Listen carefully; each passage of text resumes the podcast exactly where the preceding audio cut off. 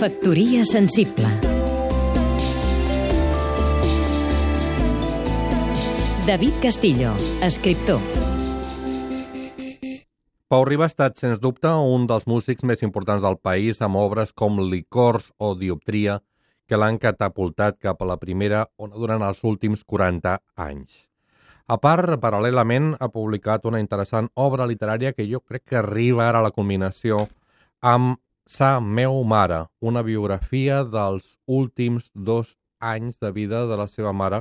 en què ens sorprèn per una vocació que ens acosta a l'amor, però també eh, el tractament de la decrepitud a la qual estem acostumats tots els que tenim ja una certa edat. El podríem emparentar a llibres similars de Philip Roth, de Peter Hanke, de Richard Ford, de Paul Auster,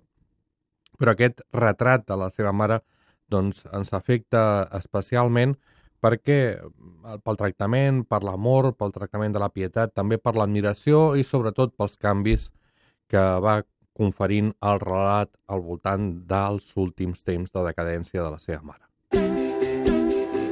Factoria sensible.